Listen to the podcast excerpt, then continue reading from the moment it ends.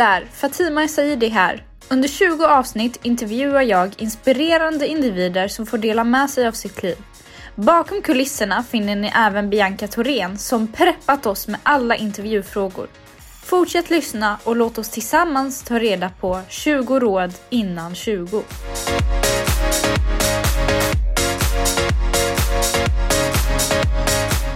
Det här är podden 20 råd innan 20. Mitt namn är Fatima Esaidi och med mig idag har jag Klara Stenqvist. Ja. Hej Klara! Hej Fatima! Hur är läget med dig? Det är bra, det är jättebra. Kul att vara här och få vara med i podden. Kul att få ha dig här. Det är, det är verkligen en ära. Tack, tycker jag också. att det är en ära att få vara med. Ja. Vem, eh, vem är du Klara? Vad sysslar du med om dagarna? Ja, just nu så är jag lärare tre dagar i veckan och den andra resten av tiden så eh, jobbar jag på ett projekt som jag tror är också därför det har bjudit in mig, som heter Radical Minds. Och eh, så det kommer vi prata mer om, tänker jag. Annars är jag också mamma till en tonåring och eh, ja, det är väl det, kortfattat. Ja. Yes, precis. Vi ska gå in lite mer på projektet, men eh, jag tänker att vi ändå ska börja i änden. Hur var Klara som ung? Ja. jag som ung, när jag gick i skolan så var jag ganska blyg. Um, hade inte jättemånga vänner i skolan. Um, jag var väldigt ambitiös, jag var väldigt, uh, pluggade jättemycket. Um, ja, väldigt en duktig flicka, ganska tyst. Inte jätte liksom glad i skolan tror jag. Det var inte så att jag älskade att gå till skolan, särskilt inte i högstadiet. Mm. Det är väl det som känns liksom. Eh, så var det många andra saker bredvid som kanske var roligt, men det är väl det som, det är inte så här, wow, det var en underbar tid. Vad konstigt att du känner så när du jobbar som lärare idag. Mm, och Vill det du har, jag berätta tänkt, lite om- det har jag tänkt mycket på, men jag tror att det är att jag liksom har haft en önskan om att kunna ge någonting annat än det jag själv mötte i skolan. Mm. Tror jag. Annat i form av? Ja, att liksom... ehm, eh, jag upplevde det som att det handlade så mycket om att bara i skolan, under, när jag gick i skolan, lära sig eh, liksom någon eh, kunskap som kom från liksom, information, fakta som kom från lärarna, från böckerna, från... Men det handlade inte alls om mig eller vad jag tycker om eller utforska vad jag vill göra i livet eller liksom eh, att känna sig sedd eller att få växa som människa. De bitarna som jag tror är så enormt viktiga i den åldern, det känner jag inte att jag alls fick med mig. Och det brinner jag för att ge till unga. Så det är väl det som jag försöker. Det är inte så lätt i vårt skolsystem att göra det, men eh, och det är därför också jag försöker göra någonting utanför skolan nu. Men man kan göra det lite grann. Mm. Men tycker du att skolan och skolsystemet har förändrats sen du gick i skolan själv? Det tror jag absolut att det har. Jag tror att det är mycket som är mycket bättre. Samtidigt så är det nog också kanske ännu, alltså det är precis som att det är, jag tror att det är mycket som är väldigt mycket bättre. Men jag tror också att betygssystemen och pressen och de nya läroplanerna samtidigt har gjort att det har blivit tuffare på vissa sätt. Så kanske både ja och nej på den frågan. Mm. Får jag fråga dig, eh, var det också lika, eller kändes det lika avgörande när man tog olika beslut eh, kopplat till skolan när du var ung som det gör Menar du gymnasieval och sådär? Ja, gymnasieval, då var man ju bara 15 år. Jag tror inte det, för att om man tittar på Helsingborg nu, vi har, alltså då när jag gick, eh, jag är ju 46 år, så jag gick ut högstadiet 92 tror jag. Då fanns det kanske fem gymnasieskolor i Helsingborg, eller sex. Tre teoretiska och sen så två eller tre praktiska. Det kanske, det är inte exakt, men ungefär. Nu tror jag det finns, jag vet inte hur många, men Många. många, många, fler. Det finns mycket mer att välja på.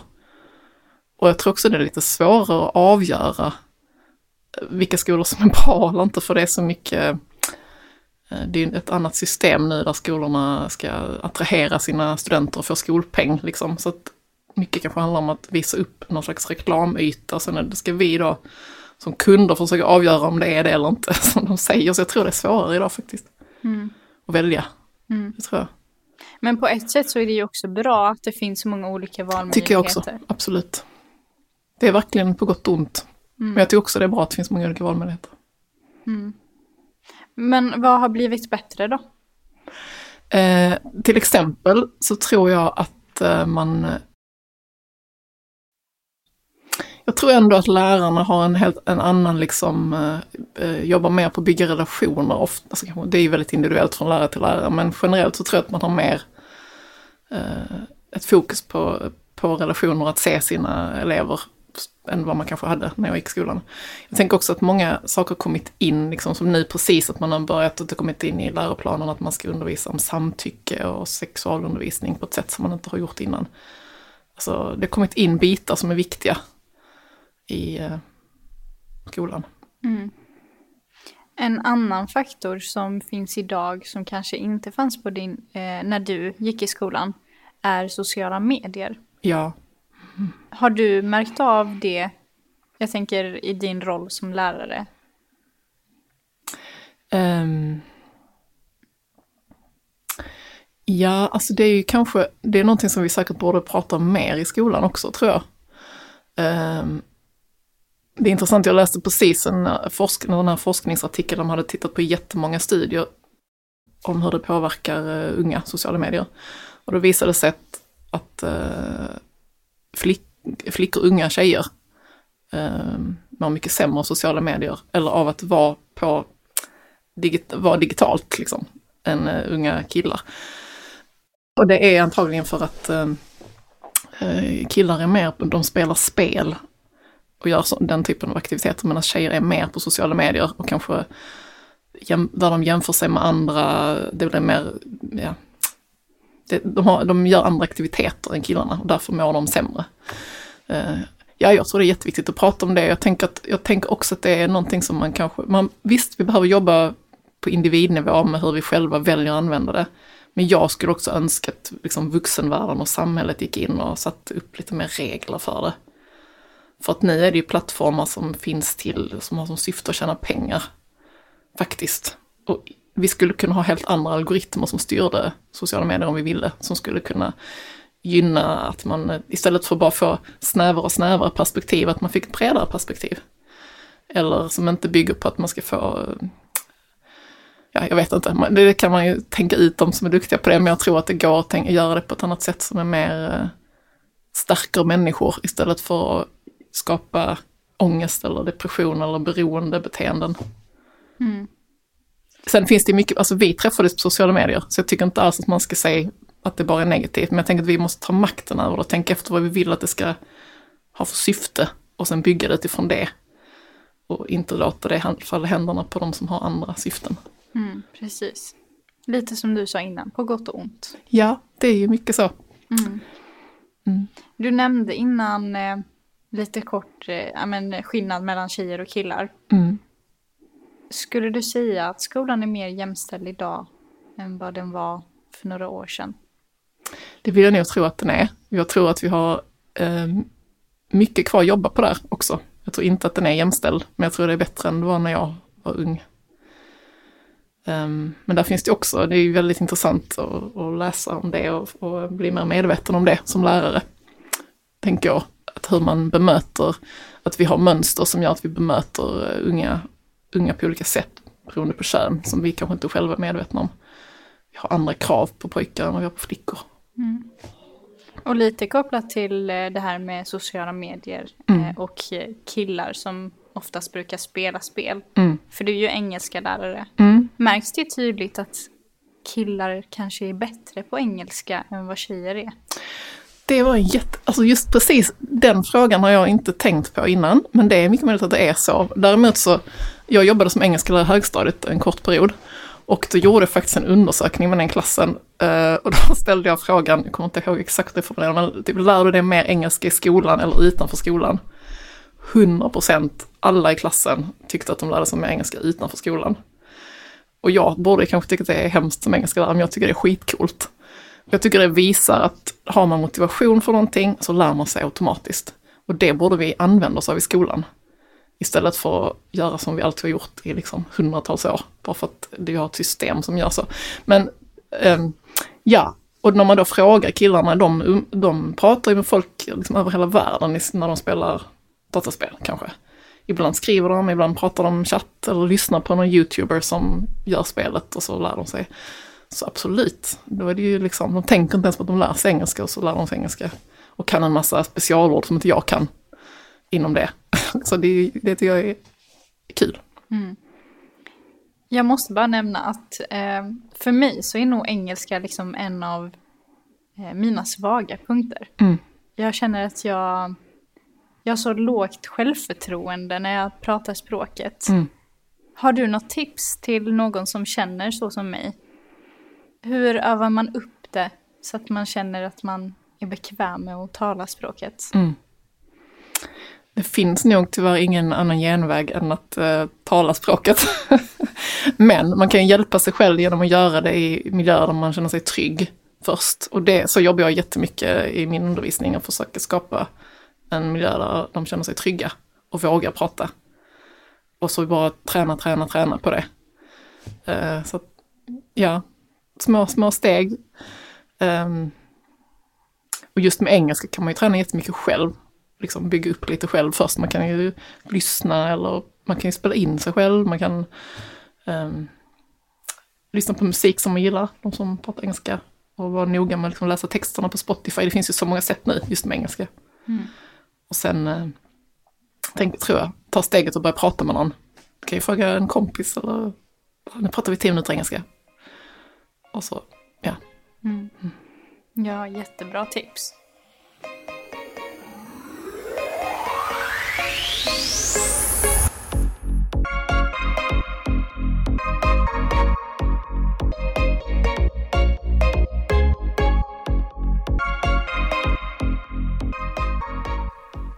Vi kanske kan byta samtalsämne nu eh, och prata lite om ditt projekt som du sysslar med, är det två gånger i veckan? Jag har precis börjat jobba fram det här så att jag har eh, två dagar i veckan när jag jobbar på detta. Mm. Jobbar detta. Och du kallar det för Radical Minds. Ja. Vad, vad står det för? Um, det, det vad jag hade lite olika förslag och så kollade jag med min eh, dotter. Och så tyckte hon att det var det bästa, så då tog jag det. Men jag tänker sen att uh, när vi väl börjar träffas med tonåringarna så kan vi se om, om de gillar namnet, för det är deras projekt också. Mm. Men eh, just nu heter det Radical Minds. Och det jag tänker då är att eh, jag tror att vi eh, inte riktigt använder vår fulla potential i vårt sinne just nu. För vi har inte riktigt lärt oss så mycket om det. Och då behöver man vara lite radikal och tänka lite utanför boxen och våga se på ett nytt sätt på saker. Så det är det namnet eh, syftar på. Vad menar du med att vi inte använder vårt fulla potential? Eh, då menar jag att vi... Eh, eh, jag tror att vi har um, tankar och känslor är ju liksom det som upptar vårt sinne. och jag tror att vi, vi, vi har ett fokus på tankar och känslor på ett sätt som är ganska begränsande. Och man kan, hitta, man kan använda sitt sinne på ett sätt som öppnar upp en helt annan kraft i sig själv när man inte eh, fokuserar in på att eh, försöka eh, micromanage innehållet i sitt sinne hela tiden. Utan slappna av och eh, i det finns en jättekraft. När man låter saker vara som de är och vet att de passerar av sig själva så får man tillgång till ett perspektiv som är mycket mer eh, vidsträckt och avslappnat och eh, där man inte hela tiden eh, behöver reagera så mycket på saker utan man kan i avslappning se vilka, vilka beslut som är bra just i den här stunden och för mig själv och för andra. Mm. Kan du ge exempel på ett scenario där du mm. har känt att amen, det du precis beskrev, mm. det hade jag behövt att någon berättade för mig? Ja. Eh, till exempel eh, om jag känner djup ångest för någonting. Säg, vi kan ta skolan som exempel. Säg att jag, eh, jag ska presentera för klassen. det är någonting som jag har ångest för, tycker det är skitjobbigt. Det här är ju någonting som jag tror nästan alla människor, 98 procent, jag vet inte, har ångest för någon gång i livet. Eh, om man då ehm, eh, börjar berätta historier i sitt huvud om den här ångesten och fokuserar på den, så är det väldigt lätt att den växer och att man börjar tro på tankarna om den. Eh, men våra känslor är ju egentligen, man kan, alltså man kan bara vara som en liten vetenskapsman på sitt eget sinne. Känslor, alla känslor kommer och går av sig själva. Vi behöver faktiskt inte göra någonting. De kommer och går. Och även ångesten kommer och går. Och ångesten i sig själv är inte farlig. Den är en energi i kroppen. Så om man får testa det i sig själv i en trygg plats med någon som kan hjälpa en med det. Så tror jag att man kan eh, få mycket lättare i livet och också må bättre. Och det var ju bara ett exempel på en stark känsla som jag tänkte på. Men eh, var det, blev det klarare för dig? Eller ska jag, jo, men ja. lite grann tycker jag. Eh, upplevde du någon ångest när du var ung? Jag tror inte ångest varit min största eh, sak som jag har haft utmaning med. Det kanske mer varit, för mig har det nog varit, mer varit eh, eh hopplöshet och rädsla för att inte vara tillräckligt bra på saker. Men det är väldigt individuellt vad man har för grejer man liksom tror är det som är fel på en. på något sätt. Mm. Um, men jag tog det som exempel för jag tror många av mina deltagare, mina elever upplever just det tror jag är vanligt nu. Var det så eh, Radical Minds kom till? Att du liksom kollade på dina elever och deras problem? Eller hur, hur kom du på förslaget? Ja, alltså jag har gått och tänkt, jag, gått, jag har haft, alltså kan jag säga, jag vet inte, hela mitt liv har jag haft en längtan efter det är någonting bara som känns som att det inte sitter helt rätt i vår, i vår utbildningssystem. Att det är en bit som, en stor pusselbit som vi behöver liksom få in. Jag vill vara en del och hjälpa till med det, så det här är en liten pusselbit. Men det är väl att jag, det är precis som jag sa innan, det är vad jag själv har saknat och sen också vad jag ser liksom som lärare, att hur lärare också inte mår så bra alltid i systemet. Och jag menar, om inte vi som lärare vill gå till jobbet, älskar gå till jobbet, känner en avslappning och en kraft och en glädje när vi är på vår arbetsplats. Hur ska vi kunna förvänta oss att våra barn och tonåringar ska göra det? Så det, ja, det är väl någonstans därifrån att jag vill eh, utforska det som skulle kunna eh, skapa ett större välmående och större, hitta liksom att vi får fram vår potential. Mm. Jag tycker att det är en jättefin idé. Vad kul. ja. Och modigt av dig och, och liksom bara ta tag i det och göra det. Ja, och det kommer väl från att jag liksom eh, tror att jag hade blivit deprimerad om jag inte hade gjort det till slut. Mm. Så jag, eh, det finns ju en kraft i det också, precis som jag sa, de här negativa känslorna. Det finns en kraft i dem. Um, om man om man kan se det så. Mm. Vill du ta oss igenom hur det gick till, liksom från idé till verklighet? Du kom på ett projektförslag. Mm. Vad var nästa steg efter det? Um, alltså på något sätt har jag ju tänkt på detta i många år, men, men idén klarnade i typ eh, för, i april någon gång förra året. Så var det precis som att jag bara kunde se framför mig, aha, så här kan jag göra. Jag vet inte, det bara hände på något sätt. Och sen eh, har jag um, eh, på något sätt så har olika pusselbitar fallit på plats. Jag hittade Visionsfonden och kände att det passade ju jättebra med det jag ville göra. Så jag formulerade ner det så gott, ja, och sen presenterade för dem och de gillade idén. Så nu är det ju jättefint att jag har möjlighet att jobba med det lite, fått lite tid till det. Eh, så nu ska jag ju börja gå ut i skolor och, och eh, presentera det och eh, en, tan en tanke som jag har också är att jag vill att de alltså tonåringar som vill ska vara med. Det ska inte vara något som kommer in som något obligatoriskt i skolan utan man, vill man så är man med. Så, och, så jag ska gå ut och presentera det i skolor och sen får man anmäla sig och sen så kör jag igång grupperna någon gång efter påsk tänker jag. Mm. Så det är där jag är just nu. Mm. Det är ganska snart. Ja. Vi spelar in detta i mars. Ja. Mm. Se om jag lyckas hålla den tidslinjen men det är min, min, min, plan just nu. Mm. Jag hejar på dig. Tack så mycket. Vill du berätta lite om vad Visionsfonden är för någonting? Eh, Visionsfonden är ju, eh, är ju fantastiskt att Helsingborgs kommun har det det är ju en, en fond där man kan, eh, om man har en idé på något som inte har gjorts innan och som är, skapar nytta för Helsingborgs invånare, så kan man söka pengar. Så enkelt tror jag man kan säga. Mm. Och det kan vara inom alla områden. Alltså det kan ju vara någon teknikutveckling eller nu är ju mitt inom kanske mer inre, inre välmående eller inre utveckling och så, men det kan vara inom vilket område som helst. Mm. Jag tror de har ansökningar två gånger om året, så på våren och på hösten. Mm. Jag ska kanske söka dit nu i vår. Jag ska heja på dig. Tack så mycket. Mm. Ehm, Ett annat begrepp som används för projektet Radical Minds är empowerment. Mm. Vad är empowerment för dig? Empowerment för mig är att eh, veta om att man har, liksom att känna, känna sina styrkor och eh, känna självtillit och hitta ett inre självledarskap. Ehm, ja. Mm. Och hur har du lyckats identifiera vad som är dina styrkor? Ehm.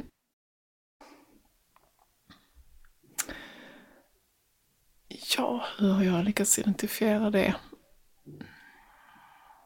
Jag vet att jag ställer svåra frågor ja, det är bra frågor Fatima. um, alltså någonstans är det väl någon slags mix av vad jag, jag tänker vad blir jag glad av att göra, vad känner jag tillfredsställelse? Jag tror det är där man har sin, eh, sina gåvor eller sina styrkor. Att man vågar liksom det finns så mycket utifrån som kommer till oss som vi tror att vi måste göra. Och det kan ju bero på vilken familj man kommer ifrån och skola och samhälle och vilka normer och kultur. Så någonstans att liksom våga gå in i sig själv och hitta, och det kan ju ta tid. För mig har det tagit, jag är 46 nu, nu börjar jag se vad jag ska göra. Så det är aldrig för sent, det är också bra att säga, tänk. Men eh, ja, vad, vad, jag, vad, jag, vad jag blir glad av, vad jag känner liksom, eh, det här känns spännande och sen en kombination av att liksom, när man möter världen och människor på olika sätt, vad är det, vad ser jag att, eh, vad märker jag att jag har en eh, impact liksom? Vad är det som, vad funkar det? Mm. Och det blir ju det som också blir roligt. Så att eh, det är som en, en, kombination av att titta in i sig själv och, och att eh, i interaktion med, med människorna omkring en. Mm. I relationer så att säga, eller vad man ska säga. Jag tänker att Radical Minds, eh, det är ju till för ungdomar. Vilken Mm. åldersgrupp är det? Jag har tänkt att jag börjar med 15 till 18 Mm. och sen får vi se hur det utvecklar sig. Det kan hända att det växer i åldersspann så småningom. Mm. För jag tror att en utmaning som du kan stöta på är att många ungdomar, alltså det här med självinsikt, det är väldigt svårt Mm, att kunna liksom se in i sig själv. mm. Har du några verktyg eller några tips på hur man kan göra? Ehm.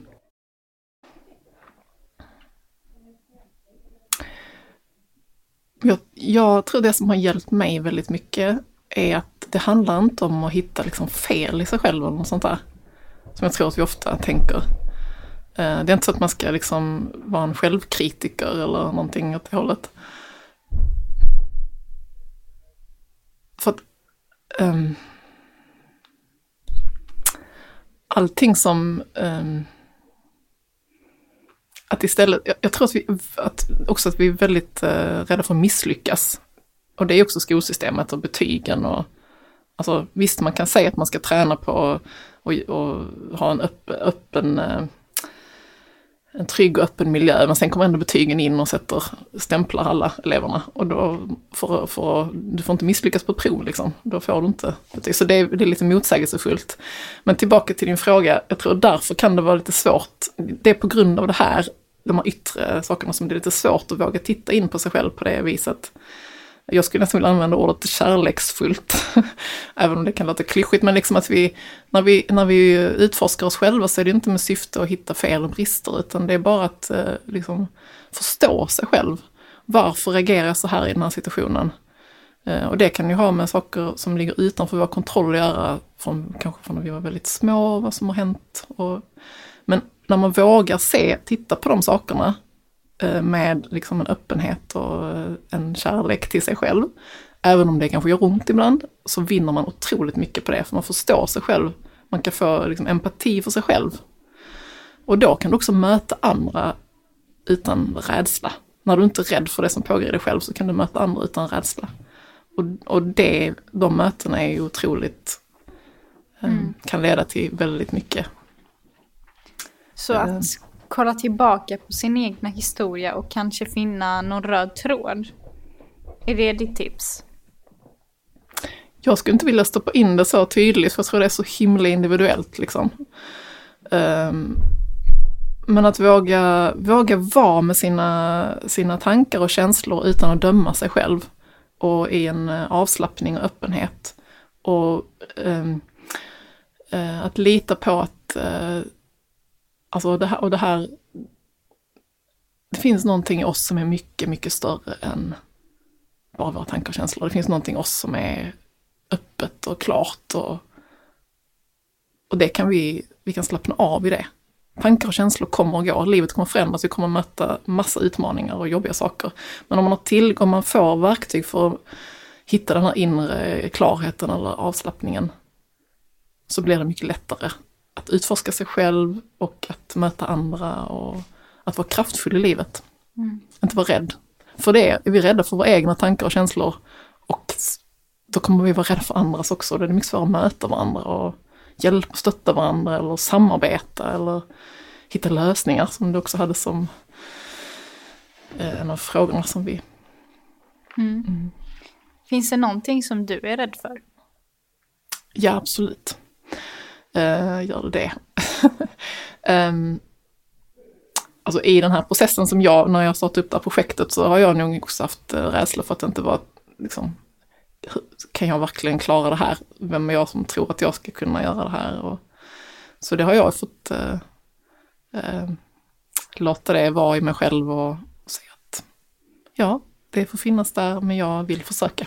Mm. Och hitta stöd, hitta människor som jag kan prata med och um, man kan peppa varandra. Mm.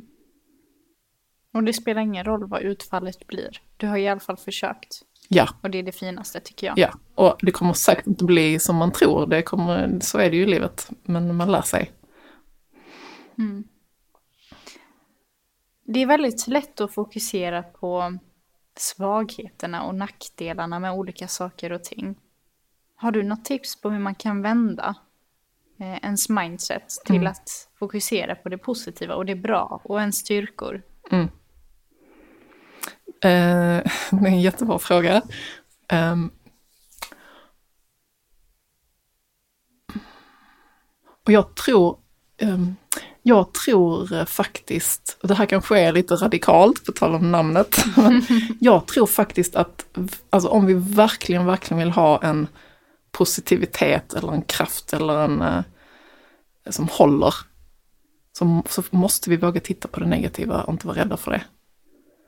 För att, för att om vi bara liksom använder någon slags så här, jag ska bara tänka positiva tankar, jag ska bara, ja det funkar tills något skitjobbigt händer, då kan jag lova dig att inte det funkar längre. för då, då, men om du, men om man, eh, det här jag också i, i Radical Minds-programmet vill ta in verktyg för avslappning och för eh, ja, en, väldigt enkla meditationsverktyg. Inte så att man ska sitta flera timmar, alltså väldigt, väldigt enkelt, men att hitta det här inre. Eh, för där tror jag att det finns en, liksom, en, en eh, när man inte är rädd för de negativa tankarna om sig själv, när man vet att de inte är sanna. När man har vågat liksom möta dem och se att ah, men det är bara en tanke, den kommer och går. All, liksom alla, vi har alla den tanken. Man kan, också att prata om det tillsammans tror jag är jätteviktigt vilket är ett annat syfte med projektet. Att eh, eh, skapa grupper och gemenskap, liksom community, där man kan vara sårbar och, sårbar och jättekraftfull. Eh, för jag tror det är där som egentligen den nyckeln finns om man verkligen vill ha, kunna vara positiv och inte trilla ner i negativitet. Så får man inte heller vara rädd för att möta det. Eh, och då menar jag inte liksom, att möta det, gud vad jobbigt. Det kan vara jobbigt, men det är också eh, när man vet att tankar och känslor är eh, någonting som är impermanent, det kommer och går, så blir det inte så himla farligt som vi ofta tror. Mm. Du nämnde precis att eh, för att kunna dela med sig av de här känslorna och tankarna så behövs det eh, så behövs en trygg miljö. Mm. Har du någon plan för hur du ska skapa den här trygga miljön? Ja, det känns eh, väldigt viktigt för mig i det här projektet. Eh, ehm, och det kommer jag vara väldigt tydlig när jag går ut med att presentera det i skolor, vad det att det är ett av syftena. Och att vill man vara med så, så är det det man bidrar till. Att man är, det är det man är beredd att ta det steget liksom. Eh, och sen kommer jag också, ehm, jag tänker att det handlar väldigt mycket om eh, hur jag som vuxen är i gruppen, vad jag sätter för ehm, Alltså hur vi är som vuxna, det är det som skapar. Vi är ju, för, vi är ju ändå förebilder, det är vi som, vi kan inte skylla på någon annan tänker jag. Så det är en del i det, men också kanske eh, ha väldigt tydliga riktlinjer för hur, man, hur vi är tillsammans. Och, och sen om någon glömmer så hjälper vi varandra. Mm. Jag tycker att det var väldigt fint uttryckt att man är med och bidrar till det. Mm. Så har jag nog aldrig tänkt på det innan. Jag har nog alltid tänkt att det är ledaren som liksom sätter viben eller standarden. Mm. Men det, det var fint uttryckt, att man tillsammans bidrar till stämningen som finns i rummet. Och det är ju empowerment. Har du något sista råd som du vill ge till en 20-åring? Eh, alltså, eh, ja. Att eh, om jag tänker på mig själv som 20-åring så skulle jag ju önskat att jag eh, hade lite mer självtillit, att våga lita på sig själv. Och det är inte så himla lätt att göra det, men liksom eh, hitta sammanhang och hitta vänner, håll fast i dem där du känner att du kan lita på dig själv. Och, och eh, att inte Eh, Eh, jag vet inte, det är så himla mycket, eh, nu är det en sån tid när det kommer så otroligt mycket tips och råd och liksom man ska göra så här och man ska göra så här och från medier, sociala medier, från, eh, det kan vara väldigt, väldigt tröttsamt att man får vara precis, alltså vi får vara precis som vi är. Och det är, i den kraften finns det också en enorm förändringskraft. Mm. Så rådet är, lyssna inte på några råd. Precis.